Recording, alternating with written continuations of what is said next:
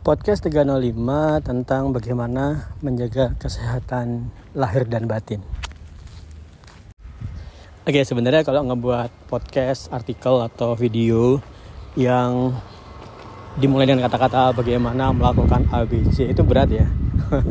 Karena jawabannya nanti gini, yang kalian yang nyimak seperti ini. Emangnya apa aku udah seperti itu, ya kan? Misalnya saya tapi misalnya saya mengatakan bagaimana nembus remote work, karena kalian bisa ngikutin. Kenapa? Karena emang saya nembus remote work. Tapi kalau podcast yang kali ini judulnya bagaimana menjaga kesehatan lahir dan batin, tepatnya jiwa. Maka mungkin pertanyaan adalah gini, ya, Pak Eko juga sehat lahir batin dan jiwanya. Oke, maka saya akan bahas secara bertahap dari pengalaman saya. Uh, sekarang usia saya sudah 44 tahun. Kalau dihitung-hitungan hitung-hitungan jam pagi sampai tenggelam ya, itu berarti saya sekitar sudah sekitar jam 2 atau jam 3. Oke, jadi sudah banyak asam garam yang saya rasakan, sudah banyak hal-hal yang dulu di usia saya belasan masih misteri, sekarang udah gak misteri lagi. Ada banyak hal-hal yang di usia belasan saya diberikan wejangan oleh orang tua ayah saya tepatnya yang paling sering memberikan wejangan saya belum paham sekarang saya udah paham nah karena itu sekarang saya akan ngebagikan pengalaman saya ini sambil saya jalan kaki mungkin ke Ambarukmo Plaza. Oke jadi gini teman-teman. Uh, saya khawatir ya. Saya ada pesan khawatir bahwasanya cara saya menginformasikan atau mengiklankan remote worker Indonesia ini membuat dia terkesan kelihatan mudah untuk mencapai keberhasilan finansial. Jangan sampai itu yang kalian terima. Bahkan terakhir-terakhir kan saya sudah mulai menegaskan itu. Untuk nembus remote work, kalau kamu nol skill, itu bukan jangan hitungkan satu dua bulan, nggak bisa. Hitungan berapa jam. Satu dua bulan kalian cuma belajar 40 jam yang nggak ada artinya. Hitungannya adalah 400 jam Kenapa saya perlu menekankan, menekankan seperti ini? Jangan sampai kalian join RWID dengan biaya yang tidak murah. Kemudian biaya joinnya itu kalian ambil dari misalnya uang tabungan yang ngepres misalnya. Kalian punya tabungan sekian misalnya. Kemudian semua kalian ambil, masih minjam ke teman sebelah, kemudian join setelah berjuang sebulan ternyata belum nambah remote work dari nol. Jangan sampai itu terjadi. Kenapa? Uh, saya paling tidak suka ya mendengar kata-kata motivator yang memberikan seakan-akan mendapatkan kesuksesan yang dengan jalannya dia itu hal yang mudah. Saya paling nggak senang mendengar kata-kata seperti itu dan saya akan uh, upset sekali kalau itu sampai saya dengar. Kenapa? Karena nggak mudah. Jalan tiap orang itu beda-beda. Saya nggak akan mau mengatakan apa, misalnya gini, saya nggak akan ngebuat seminar misalnya RWID yang dimulai dengan yel yel sukses sukses sukses itu nggak mau itu kan MLM ya saya nggak mau seperti itu kenapa karena nanti rasionalitasmu tertutupi dengan emosi. Misalnya rasionalitas seperti ini. Kamu nol skill.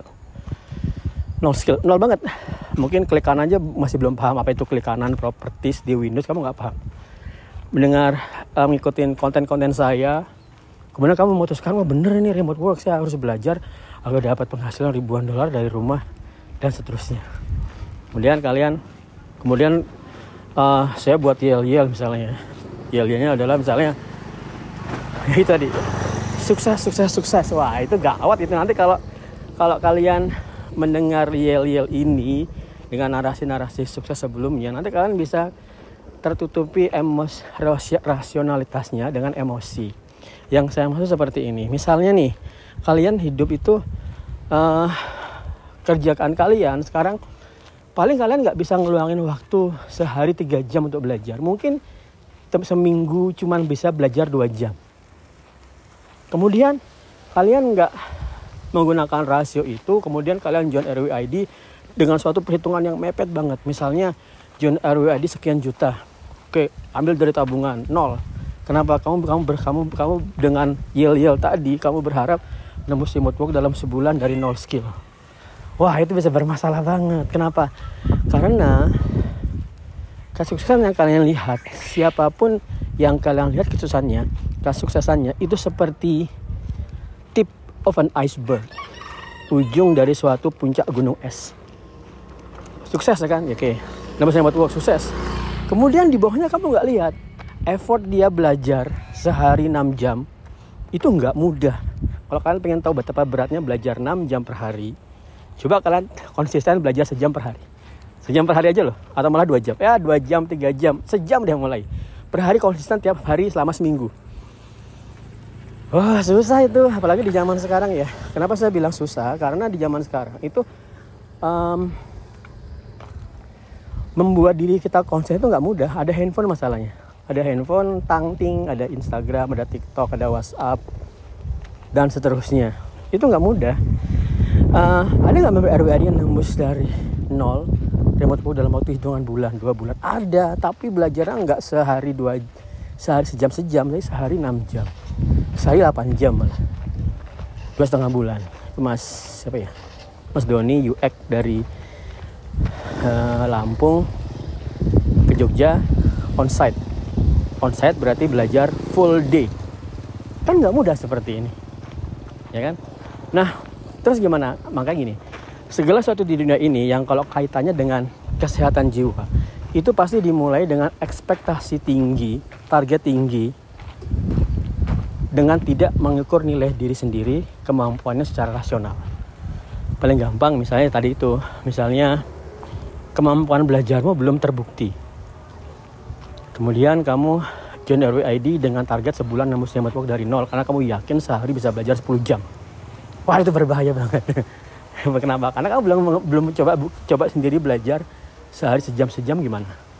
Apalagi suatu bidang yang baru, coding, UX segala macam itu bidang yang baru Nah, maka paling gampang paling gampang ya untuk menjaga kesehatan jiwa itu sebenarnya paling gampang itu adalah kamu sebenarnya paling gampang itu terima apa adanya apa yang kamu dapatkan sekarang kamu terima kamu syukuri ya kan? Misalnya aja ya. Kamu sekarang berpendapatan 2 juta per bulan. Kamu mau kesehatan jiwa yang sempurna? Ya syukurin. Syukurin nggak kamu nggak berusaha lebih tinggi. Bisa loh itu. Bisa banget loh. Saya saya punya punya teman-teman di masjid itu yang uh, ya nerimo nerimo gitu aja. Ya biasa-biasa aja. Kita bisa jiwa jiwa sehat jiwa sehat banget. Nggak ada target nggak ada perjuangan untuk belajar. Terus di mana? Ya tapi ya kamu nggak boleh mengharapkan hal-hal yang kompleks-kompleks juga. Misalnya tadi kan gaji gajimu 2 juta per bulan ya. Kamu nggak boleh ngarapin hal-hal yang kompleks seperti punya mobil punya rumah hal-hal duniawi ya hal-hal duniawi. Tapi untuk kesehatan jiwa itu gampang aja. Um, pertama bersyukur tadi. Kemudian nah namanya bersyukur kalau udah bersyukur itu berarti uh, bagi yang muslim sholat jamaah di masjid itu kunci kesehatan jiwa kalau enggak, kamu akan konflik jiwa jiwamu. Batinmu akan konflik. Konflik itu kamu tahu sesuatu itu harusnya kamu lakukan tapi kamu tidak. Itu akan membuat jiwa konflik. Kalau kamu mau sekalian, buang sekalian. Bisa aja kamu cia jiwanya buang sekalian. Misalnya ya. Wah, tapi tapi tapi mungkin ini uh, gini. Ketimbang aku kepikiran tentang sholat dan sebagainya udah aku ateis aja deh. Kalau kamu bisa silakan aja. ya karena uh, beragama beribadah itu opsional bagi setiap manusia melakukan apa enggak tapi saya saya sih saya, saya sih nggak tahu ya apakah ada orang yang benar-benar ateis bahagia lahir batin saya nggak tahu karena saya pernah mencoba setahun dalam kondisi ateis nggak sholat sebagai saya pernah ya dalam awal-awal kuliah saya seperti itu karena nggak bisa bahagia juga saya sih karena nggak mungkin manusia itu nggak mungkin melepaskan dari pemikiran dia akan mati dan pemikiran seperti itu menakutkan bagi orang yang uh, hanya yakin hidup itu hanya cuma di dunia.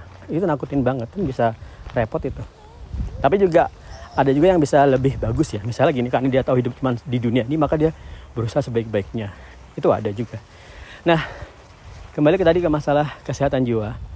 Uh, tapi anda kata gini, pendapatan kamu sekarang 2 juta kamu ingin ningkatin pendapatan sampai ribuan dolar seperti teman-teman RWID yang harus kamu lakukan adalah kamu nggak boleh memimpikan itu kamu nggak boleh mulai spending money that you, you, you doesn't have yet misalnya seperti ini. Uh, ibu misalnya gini kamu sekarang 2 juta. Mau beli mobil nggak bisa kan? Ya bisa aja sih nabung-nabung DP tapi ya road lah itu. Mobil itu tidak-tidaknya sebulan 4 juta kalau mau uh, deal cicil selama 4 tahunan. Dengan DP puluhan juta kan mungkin nggak mudah. Oke. Okay. nah untuk menjaga kesehatan jiwa yang paling gampang adalah jangan spending money that you doesn't have. Misalnya kamu belum mulai apa-apa. Belum mulai bel baru join RW ID misalnya. Kemudian kamu uh, apa namanya? Belum baru join RW ID kamu udah mulai teman-temanmu udah ribuan dolar. Kamu kemudian kamu mulai wah aku akan beli aku akan beli mobil ini kemudian rumahnya di sini kemudian aku bisa jalan-jalan. Itu yang nggak sehat. Kenapa? Karena uh, jiwamu mulai spending something that you doesn't have ini berlaku juga untuk wanita dan pria ya kan banyak tuh orang yang punya kegangguan kesehatan jiwa karena ditolak cowoknya atau ceweknya. Kenapa? Karena mengharapkan sesuatu yang belum terjadi dan belum itu terjadi kamu sudah mulai spending secara emosi sudah kamu spending. Contoh misalnya cowok diputus cewek sebelum diputus lu sudah membayangkan kehidupan berkeluarga, anak, istri masa depan sampai selesai. Yang cewek juga gitu, cewek sudah pacaran sudah spending emosi untuk uh, menikah sebagai sudah membayangkan yang tidak tidak ternyata nggak terjadi. Jadi sebenarnya uh, kalau kamu tidak punya ekspektasi ke depan itu kamu akan lebih slow hidupnya sebenarnya. Seperti di Mary Jane di apa ya Spider-Man yang uh, No Way Home kalau salah ya atau Far From Home yang dia bilang uh, I don't have any expectation because I don't want to feel uh, sad. Aku nggak mau punya ekspektasi apa pun supaya aku nggak punya perasaan sedih. Misalnya gini, kembali ke remote work. Kalau kamu nggak mau sedih tentang nggak berhasil nembus remote work, dari awal kamu nggak usah mikir nembus remote work, ya kan? Ya gak usah belajar, ya santai aja. Kenapa? Kalau kamu udah seperti itu, ya kamu akan bahagia loh. Uh, teman-teman saya yang di masjid, saya kan aktif di jamaah tablik ya. Jadi saya punya teman-teman tuh emang secara finansialnya nggak bisa. Dipaksa juga nggak bisa. Ya akhirnya cuman akhirnya ya di masjid ya bantu-bantu masjid bantu-bantu bersih-bersih. Itu nggak punya ekspektasi tinggi-tinggi loh ya teman-teman yang seperti itu. Bahagia-bahagia banget ya jaga jamaah ikut amalan-amalan masjid. Tapi kalau kita sudah kebetulan sudah di hidup yang dunia yang masyarakat yang modern yang kompleks itu banyak ekspektasi maka kamu harus siap-siap managing expectationnya. Kalau ekspektasinya nggak kamu manage kamu bisa punya gelisah untuk memikirkan hal yang belum terjadi tadi. Contoh kamu uh, seperti tadi belum nembus remote work sudah membayangkan spending yang macam-macam. Itu itu jadi awal dari suatu uh, kesusahan batin. Oke. Okay. nah tapi itu kan membuat kamu nggak maju kan? Secara finansial ya saya belum bilang secara spiritual.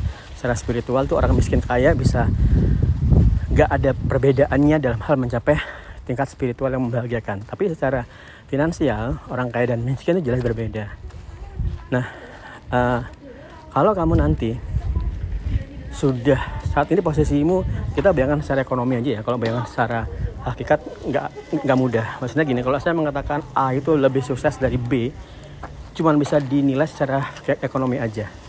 Kalau secara kebahagiaan lahir batin itu nggak ada nggak bisa dinilai biar yang maha kuasa aja. Tapi andai kata secara ekonomi kamu saat ini di posisimu dari skala sampai 10 masih dua. Masih 8 masih 3 sampai 10 masih banyak ya.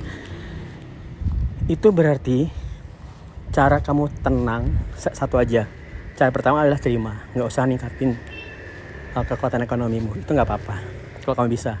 Tapi kalau kamu sudah kamu benar-benar berniat untuk meningkatin kekuatan ekonomimu, maka cara pertama adalah tidak boleh mikirin gimana kalau sukses. Lupakan dulu. Yang kamu pikirin adalah fokus kepada belajar tiap hari. Itu aja. Jangan memikirkan yang ke ujung jangan memikirkan sukses kaya aset segala macam itu lupakan uh, saya tahu ya kalau kalian pernah ikut MLM atau apa pun lah bisnis coaching yang lain kalian mungkin akan dipush untuk membuat mimpi-mimpi yang tinggi tapi saya bukan orang seperti itu saya itu muridnya Stephen R. Covey saya bisa saya berani mengatakan saya itu sangat uh, tunduk dan sangat patuh sama nasihat-nasihat dari Dr. Stephen R. Covey yang dia bilang kebahagiaan itu bukan di hal-hal material tapi kebahagiaan kalau kamu bisa memenuhi semua uh, apa namanya role-mu, peranmu, tujuannya kamu capai. Dan itu tidak selalu berkaitan dengan finansial. Sebagai ayah, ibu, kamu bisa bakti ke uh, didik anak. Sebagai anak, kamu bakti ibu. Oke. Yang contoh yang saya sebutkan tadi itu sepertinya terlalu relate dengan ekonomi ya ayah ibu kalau mau uh, jadi anak kemungkinan kamu akan merasa butuh finansial yang besar. SPP segala macam ya. Itu memang dunia sekarang itu memang uh, kompleks sekali. Nah bahagia yang kamu capai dalam konteks di dokter Stephen Orkove tadi dan kamu relatekan dengan RWID itu adalah kamu nggak boleh sugesti atau memotivasi dirimu dengan ribuan dolar yang belum ada yang harus kamu fokusin adalah setiap hari belajar itu aja. Sejam kamu tahan. Sehari sejam bagus selesai. Besok sehari dua sehari sejam bagus. Selama seminggu tak capek. Kalau kamu sudah nikmati belajar sehari dua jam itu mudah. Nah di program yang super intensif yang jalur sabar kan sudah saya berikan program untuk belajar 400 jam dengan clockify.me kalian langsung pakai clockify udah kamu tracking itu. Setiap akhir minggu kamu cek sebulan seminggu aku udah belajar berapa Nah, kamu fokusin itu aja, belajar.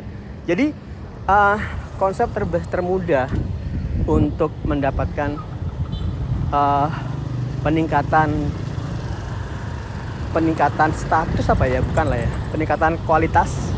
Itu bukan dengan memikirkan bukan dengan memikirkan apa yang akan kamu capai tapi konsisten aja menikmati kerja harianmu dan belajar harianmu tadi itu nyenengin banget.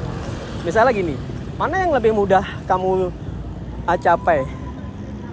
Belajar tiap hari sejam atau mencapai target 1000 dolar di bulan pertama? Coba saya kamu jawab. Mana yang mudah mudah kamu capai? Atau gini mana yang lebih mudah kamu capai? Dalam setahun menghasilkan satu miliar atau dalam sehari belajar tiga jam? Mana yang lebih mudah kamu capai pasti yang lebih mudah kamu capai itu yang belajar 3 jam per hari kan? Kenapa? Karena itu dalam kontrolmu. Kamu bisa kamu benar-benar bisa kontrol sehari belajar sejam bisa banget. Ya kan? Kamu sehari bangun pagi seperti yang sudah saya sampaikan belajar sejam sebelum matahari terbit. Udah jaga itu aja. Nah terus nanti gimana? Nanti percayalah kalimat-kalimat usaha tidak akan membohongi hasil atau kalau di dokter ya Simon Covey dia punya anak Sen Covey. Dia termasuk co-author dari konsep bagus 4DX saya malu 4D singkatnya apa ya 4D itu. Desain ah lupa saya. Saya lupa 4D itu singkatnya apa malah. Ya Allah. Tapi yang saya tutup pemahaman saya dengan di tentang 4DX adalah kalau kamu punya suatu goal tujuan kamu nggak perlu tiap hari mikirin tujuanmu itu. Tapi tujuanmu itu tercapai karena apa maka kamu setiap hari fokus ke yang karena apanya itu. Nemos remote work karena skill kan. Ribuan dolar tercapai di remote work itu karena skill kan. Maka yang ribuan dolar ini kamu lupakan. Tapi kamu fokusin yang sejam-sejam belajar itu aja kamu fokusin. Itu namanya faktor pangungkit. Bahasa Inggrisnya itu apa ya? Faktor pangungkit itu misalnya kamu main jungka jungkit. Jungka jungkit itu ya ya jungka jungkit. Saya lupa itu bahasa Indonesia apa ya kamu fokus nggak ke orang di depanmu untuk kamu angkat? Enggak kan? Kamu fokusnya nekan badanmu ke bawah kan? Makanya yang, yang temanmu itu yang main juga jukit, si so itu, bahasa Inggrisnya, pasti akan terangkat kan? Nah, itu yang dimaksud dengan faktor pangungkit. Jadi, Di dalam kehidupan ini, kamu fokus kepada hal-hal yang bisa kamu kontrol aja. Kalau hal yang nggak bisa kamu kontrol ya mau apa? Kamu bisa nggak kontrol kamu setahun dapat 20 juta? Nggak bisa. Kenapa saya bilang nggak bisa ya? Karena kamu masih belajar. Maka yang bisa kamu lakukan adalah belajar tiap hari. Nah nanti percayalah, begitu kamu sudah belajar 100 jam, 200 jam, kamu akan lebih punya wawasan. Kamu udah punya wawasan, kamu nggak punya mimpi lagi. Kamu bukan punya mimpi, kamu udah punya wawasan. Wawasanmu itu akan membentukmu untuk berpikir jauh lebih rasional ketimbang awal sebelum kamu belajar. Orang yang berilmu, orang yang berilmu dibanding yang orang yang tidak berilmu itu berbeda dalam hal memandang ke depan. Orang yang punya ilmu, dia nggak akan gerusa-gerusu. Dia nggak akan terpengaruhi oleh emosi. Dia akan memandang segala sesuatu dingin-dingin aja. Uh, contoh ya, contoh ya teman-teman kalau kamu join RWID dan sudah skill dan saya arahin, kalau kamu nembus job dalam sehari mungkin kamu heran ya. Tapi saya nggak heran, saya udah terbiasa, udah biasa. Oh bisa, ya biasa. Yang nggak heran, yang akan ngebuat saya heran adalah kalau kamu nggak nembus job, saya pasti akan heran banget dan saya akan kepikiran. Tapi ya kemudian ternyata ada hal-hal yang nggak dalam kondisi saya bisa mengontrol itu. Contoh, kamu saya berikan tips 1, 2, 3, sampai 10 tapi ternyata kamu tidak bisa menerapkan 1 sampai 5 karena kamu sudah sibuk. Ya sudah saya nggak bisa ngontrol itu. Nah uh, gampangnya orang yang lebih punya wawasan atau ilmu atau pengetahuan dia akan punya tangan yang dingin untuk memecahkan permasalahan. Nah kalian yang ingin menembus remote work itu berarti kalian menjadikan dirimu sebagai konsultan untuk klien di Upwork klien itu akan kebingungan cara memecahkan permasalahannya. Dia nggak akan tahu gimana cara memecahin permasalahan. Akhirnya dia nggak bayar kamu. Kamu bisa aja, oh aku sudah belajar scraping misalnya nih. Aku udah belajar scraping pakai Scrappy. Nah dengan Scrappy itu aku sudah bisa melakukan scraping untuk ebay.com misalnya. Udah udah bisa pakai eBay. Nah kemudian ada klien yang panik ya. Klien panik, dia punya tugas dia misalnya punya bisnis untuk ngejual barang A di harga yang paling kompetitif. Dia nggak tahu caranya. Dia tahu dia pakai eBay bisa nge-search di produk itu. Kemudian dia banding-bandingkan. Tapi dia harus banding-bandingkan lagi juga ke Amazon misalnya. Dia panik dia nggak bisa. Dan dia kebingungan gimana caranya. Nah kamu memandang itu biasa aja. Oh ini udah saya buatin sebentar di eBay dan di apa tadi Amazon. Kemudian saya store ke PostgreSQL, kemudian saya filter, oke ini loh yang paling murah. Kamu bisa mempermainkan harga di titik yang ini. Misalnya seperti itu. Nah, jadi teman-teman, saya berikan pegangan untuk kalian ya. Ini sudah sering saya ulang ya. Saya lagi, kalau podcast ini kepanjangan 20 menit, kalau kalian mau lupakan semuanya boleh, tapi satu aja yang kalian ingat.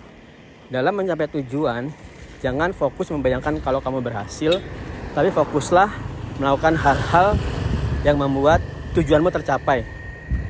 Nembus remote work intinya, intinya skill, skill dicapai dengan belajar secara konsisten setiap hari. Itu aja yang kamu pikirin. Lupakan hal-hal yang lain. Oke? Okay? Oke. Okay. Semoga jadi misalkan teman-teman agar kita semua sama-sama berkembang di RWID ini dengan apa ya? Dengan penuh perhitungan, dengan kebahagiaan, kesukaan, dengan passion, semangat, dan juga yang terakhir nih dengan bahu membahu, bahu membahu. Oke, dengan bahu membahu itu maksudnya uh, contoh hari ini saya nge sudah secara umum ngepublikasi di komunitas siapa yang mau jadi mentor. Ya padahal udah jalan, mentoring RWD udah jalan, tapi secara umum saya belum pernah publis. saya masih japri-japri aja. Kenapa? Karena saya dalam menjalankan bisnis mengembangkan RWID, saya nggak pernah mempublikasi secara besar-besaran. Saya jalan underground dulu, udah proven baru saya publish. Contoh mentoring itu sudah berjalan berapa lama ya? Empat bulan mungkin. Ya kalau nggak salah empat bulan, yang super intensif.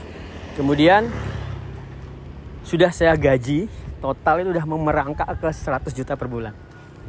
Itu artinya udah benefitnya bagus kan nah tapi ini beneran belum saya publikasi loh. Kalau saya publikasi saya harus siap-siap dengan uh, beban tanggung jawab yang baru. Dengan juga tentunya beban tanggung jawab itu berarti benefit yang lebih banyak. Ya teman-teman uh, jadikan RWAD tempatmu berkembang. Bukan tempatmu uh, susah hati. Senangkan dirimu di RWAD ya terima kasih